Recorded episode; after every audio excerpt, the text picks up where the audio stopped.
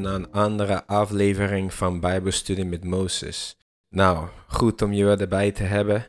En vandaag gaan we beginnen over een nieuwe serie genaamd Het Leven. Het Leven. Nou, ik zeg altijd tegen mensen, God of Jezus was nooit gekomen naar de wereld om een religie te brengen. Jezus kwam om ons het leven te brengen. Nou, ik geloof in het leven.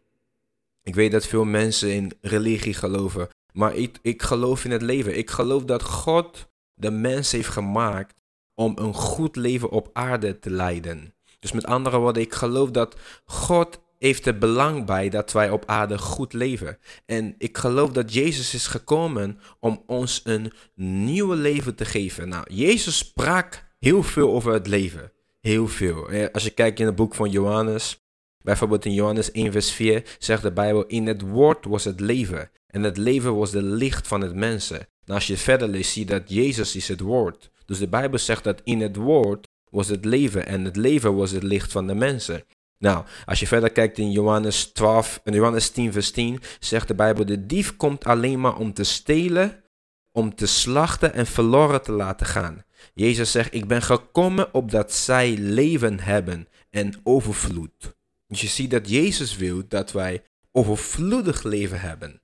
Niet alleen leven, maar dat wij overvloedig leven. Nou, voorbeeld is uh, Johannes 14, vers 6. Jezus zei tegen hem: Ik ben de weg, de waarheid en het leven. Hij zegt: Niemand komt tot de Vader dan door mij. Dus we zien dat Jezus heeft het zo vaak over leven. Nou, de bekende tekst staat in Johannes 3, vers 16. Zegt hij: Want zo lief heeft God de wereld gehad, dat hij zijn enige geboren zoon gegeven heeft opdat ieder die in hem gelooft niet verloren gaat, maar eeuwig leven heeft. Johannes 3:16. Laat me nog één keer zeggen. Hij zegt, want zo lief heeft God de wereld gehad, dat hij zijn enige geboren zoon gegeven heeft, opdat ieder die in hem gelooft niet verloren gaat, maar eeuwig leven heeft.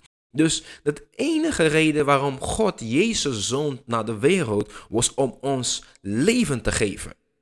Nou, ik denk dat veel mensen denken van ja, maar hij kwam toch om voor onze zondes te sterven en noem maar op. Klopt, klopt. Maar dat was niet de grote reden. Kijk, de, je zonde moest vergeven worden. Maar het was niet het doel. Het was niet het einddoel. Het was een middel tot het doel. God wilde ons eeuwig leven geven. En daarom zonde Jezus. Eerst moest hij sterven, omdat we eigenlijk, dus we, waren onder de zonde, dus iemand moest voor de zonde boeten. Maar het doel van de komst van Jezus was niet alleen maar om je zonde te vergeven, maar juist om je een nieuw leven te geven. Nou, als we verder kijken, zien we in Johannes 3, vers 36. Dit gaat over Jezus. Jezus zegt, wie in de zon gelooft, heeft eeuwig leven. Maar wie de zon ongehoorzaam is, zou het leven niet zien maar de toon van God blijft op hem. Je zegt, hey, wie in de zon gelooft, heeft leven, heeft eeuwig leven. Dus Jezus had het continu over het leven. Nou, waarom geloof ik in het leven? Ik geloof dat het is Gods wil dat wij allemaal een optimale leven leven op aarde. Dus met andere woorden, God, God heeft ons allemaal uniek gemaakt. De wereld bestaat al zo lang. Eh, miljarden mensen hebben op deze wereld eh, gewoond. Maar toch is er niemand zoals jij. Jij bent uniek gemaakt. Er is geen persoon met dezelfde vingerafdruk afdruk als jij. Dus wat, wat bedoelt God daarmee? Waarom heeft God iedereen zo speciaal en zo uniek gemaakt? Dat is omdat God wil dat wij op in deze wereld onze kunnen zijn. Nou, laten we verder lezen wat Jezus zegt over het leven. Jezus zei in eh, Johannes 11, vers 25, zei Jezus zei tegen haar, ik ben de opstanding en het leven. Het leven, zegt hij weer. Wie in mij gelooft, zal leven, ook al was hij gestorven. Johannes, Johannes 5, vers 40 zegt, en toch wilt, u niet bij mij komen, om, opdat u leven hebt. Johannes 6, vers 47 zegt hij, voorwaar, voorwaar, ik zeg u, wie in mij gelooft, heeft eeuwig leven. Nou, ik ben gewoon met jou een paar teksten aan het, aan het lezen. Uh, Johannes, Johannes 5, vers 24 zegt hij: Voorwaar, voorwaar, ik zeg u, wie mijn woord hoort en hem gelooft, die mij gezonden heeft, die heeft eeuwig leven. Dus je ziet het, Jezus had het continu, continu, continu. Johannes 6, vers 33 zegt de Bijbel, want het brood van God is hij die uit de hemel komt, uit de hemel neerdaalt en aan de wereld leven geeft. Dus Jezus laat eigenlijk zien dat zonder hem heb je geen leven. Je kan leven, maar eigenlijk zonder Jezus heb je niet de essentie van het leven. Nou, God gelooft zo erg in het leven dat hij Jezus zond om ons een nieuw leven te geven. Nou, dat kan maar één ding betekenen. Als God Jezus zond naar ons toe om ons leven te geven, dat kan alleen maar betekenen dat we eigenlijk niet leefden ervoor. Nou, je zou je afvragen, Mozes, wat bedoel je precies? Als Jezus kwam om ons leven te geven, dat betekende dus dat God vond dat we geen leven hadden. Nou, wist je nog in het begin, toen Adam en Eva werd in de, in de, hoofd, in de hoofd van Eden geplaatst, dus ergens in de hoofd van Eden, eigenlijk in het oosten. En God zei tegen Adam, de dag dat je van de vrucht zou eten, dan zou je sterven. Dat zei God tegen Adam. Zei, de dag dat je de, van de vrucht van de, van de boom van de kennis van goed of kwaad zou eten, dan zou je sterven. Wat gebeurde daar? Adam at van de vrucht, maar hij viel niet dood neer gelijk. Dus waar had God het over toen hij zei dat Adam zou sterven? Waar had hij het over dan? Want Adam viel niet dood. Nou, wat God bedoelde eigenlijk, was dat Adam zou sterven. Dus met andere woorden, de geestelijke persoon zou sterven. Dus eigenlijk, want eigenlijk, jij bent jouw geest. Je moet, je moet even terug gaan naar mijn vorige serie. Ik had het over de geest, de ziel en de lichaam. Dus Adam stierf daadwerkelijk, maar niet fysiek. Maar toen hij zondigde, toen was de dood in werking gekomen. Dat betekende dat hij kon dan fysiek sterven. Nou, de Bijbel zegt dat Jezus kwam om ons nieuwe leven te geven. En dat is eigenlijk waarom we het evangelie prediken. Wij, wij, wij prediken het evangelie om mensen leven te geven. Een ander voorbeeld. Jezus zei in Johannes 6, vers 51: ik ben, het ik ben het levende brood dat uit de hemel neerdaalt. Als iemand van dit brood eet, zou hij leven in eeuwigheid. Hij zou het leven hebben. Johannes 6, vers 54. Wie mijn vlees eet en mijn bloed drinkt, heeft eeuwig leven. En ik zal hem doen opstaan op de laatste dag. Dus we zien hier dat zonder, zonder Christus, zonder Jezus, hebben wij geen leven. Nou, laten we even snel kijken in het boek van Efezië. In het boek van Efezië 2, vers 1, de Bijbel zegt het zo in het volgende manier. Hij zegt, ook u heeft hij met hem levend gemaakt. U die dood was door de overtredingen aan de zonde. Dus we zien dat de mens was dood aan de overtredingen van de zonde. Nou, de Bijbel zegt, ook u u die in hem komt te geloven, heeft hij levend gemaakt. Hij zegt waarin u voorheen gewandeld hebt, overkomstig de leefwijze van deze wereld. Overkomstig de wil van de aanvoerder van de macht in de lucht. Van de geest die nu werkzaam is in de kinderen van ongehoorzaamheid. Nou, de Bijbel zegt dat u, ik, wij allemaal, we waren dood aan de zonde. Romeinen 6, vers, 3, eh, volgens mij was vers 26. Laten we het even samen lezen. Romeinen 6, vers 23 zegt de Bijbel, want het loon van de zonde is de dood. Maar de genadegave van God is eeuwig leven door Jezus Christus onze Heer. Nou, wat gebeurt er? De Bijbel zegt dat eigenlijk de loon van de zonde is eeuwig dood. Is dat je eigenlijk verloren moet gaan. Maar dan zegt hij, de, de genadegave van God is eeuwig leven door Jezus Christus onze Heer. We weten dat heel de wereld was onder de macht van de dood. Omdat de zonde was in de wereld binnengekomen. Dus God zond Jezus om dus een nieuwe leven te brengen. Nou, waarom moest Jezus komen? En waarom sprak hij zoveel over het leven? Dat is omdat God gelooft in het leven op aarde. Hij zond Jezus niet om ons een nieuwe religie te geven. Hij zond Jezus niet om een nieuwe filosofie te brengen. Hij zond Jezus naar ons om het leven te laten zien en het leven te geven aan ons. En we zagen dat Jezus genaast mensen continu. Waarom genaast die mensen continu? Waarom was Jezus continu bezig met genezingen? Nou, dat moet ons heel veel dingen laten zien. Dat betekende dat het is Gods wil dat wij gezond in deze leven staan. Het is Gods wil dat wij gezond leven. Het is Gods wil dat wij op aarde helemaal fysiek, geestelijk, mentaal gezond zijn. En wat deed hij heel vaak is dat hij dreef demonen uit. Nou, wat doen demonen? Het enige wat demonen komen doen staat in Johannes 10 vers 10. De Bijbel zegt, de dief komt om te stelen, te slachten en te vernietigen. Toen zei Jezus, ik ben gekomen om ze leven te geven. Leven in overvloed. Dus met andere woorden, Jezus kwam om de mens een goed leven te geven op aarde. Nou, ik weet, ik ben van bewust dat er zijn veel mensen die hebben gepredikt dat Jezus kwam om mensen naar de hel te sturen. Nou, mijn stem werd net anders. Maar ik geloof dat de voornaamste reden waarom Jezus kwam, dat God Jezus zond, was om ons te laten zien hoe goed Hij is. Want alzo heeft God de wereld zoveel lief.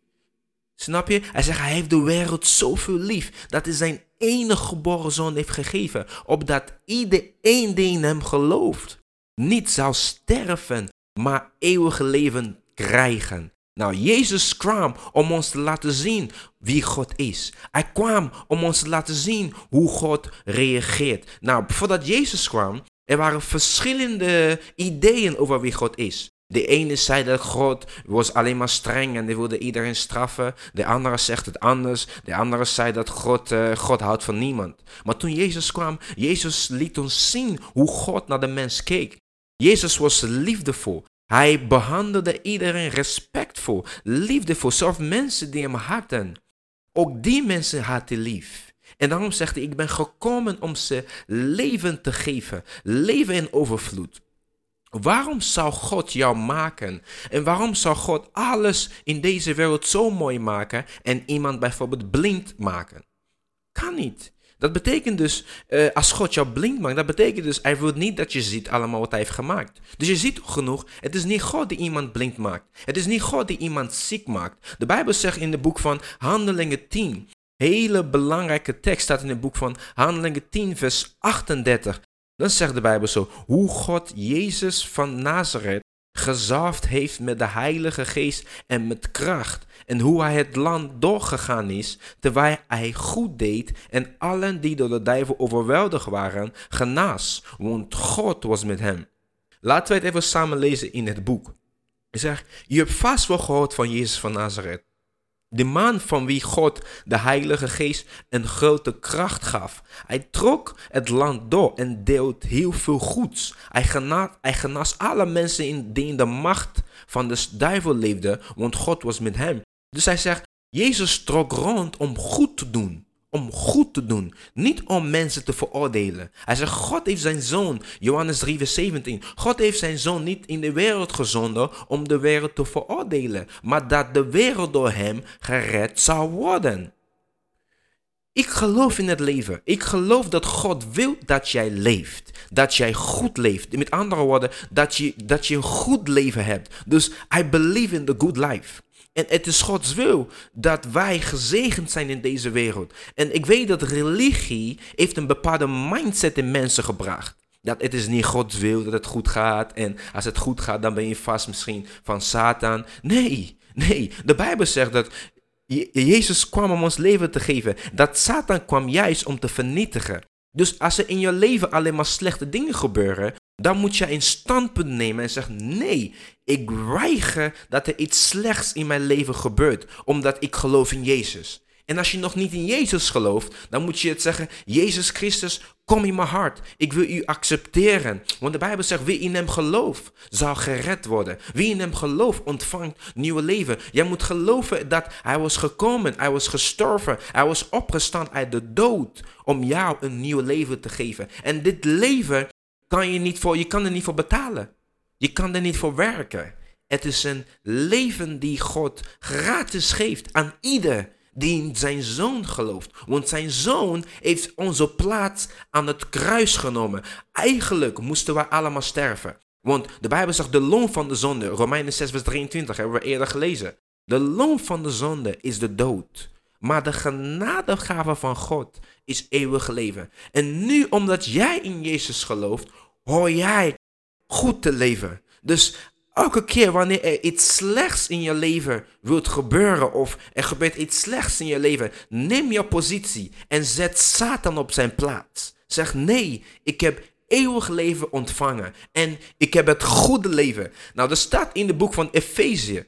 Laten we even snel kijken in Efezië 1, vers 3. En daar staat de volgende. Paulus zegt, gezegend zij de God en de Vader van onze Heer Jezus Christus, die ons gezegend heeft met alle geestelijke zegenen in de hemelse gewesten in Christus. Hij zegt, God heeft ons al reeds gezegend met alle geestelijke zegeningen in de hemelse gewesten in Christus. Het boek zegt het volgende.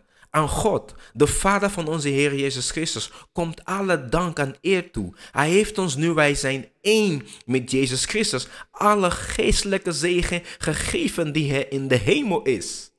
Nou, laat me je vraag stellen. Is er ziekte in de hemel? Is er depressiviteit in de hemel? Is er armoede in de hemel?